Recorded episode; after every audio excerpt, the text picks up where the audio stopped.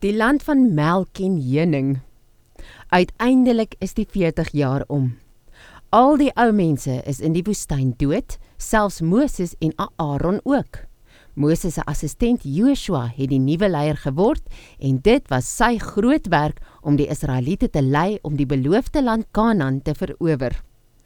Toe hulle by die Jordaanrivier kom, wat die grens van die land was, kon hulle nie daar deurgaan nie want die rivier was in vloed. Maar God het vir Joshua beveel: Laat die priesters voorloop met die verbondsark van God op hulle skouers en gaan dan deur die Jordaan.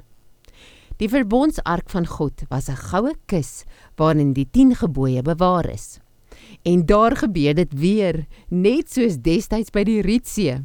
Toe die priesters se voete die water raak, gaan staan die rivier. Dit was asof daar 'n damwal in die rivier gebou is en al die Israeliete kon deur die Jordaan stap na die beloofde land.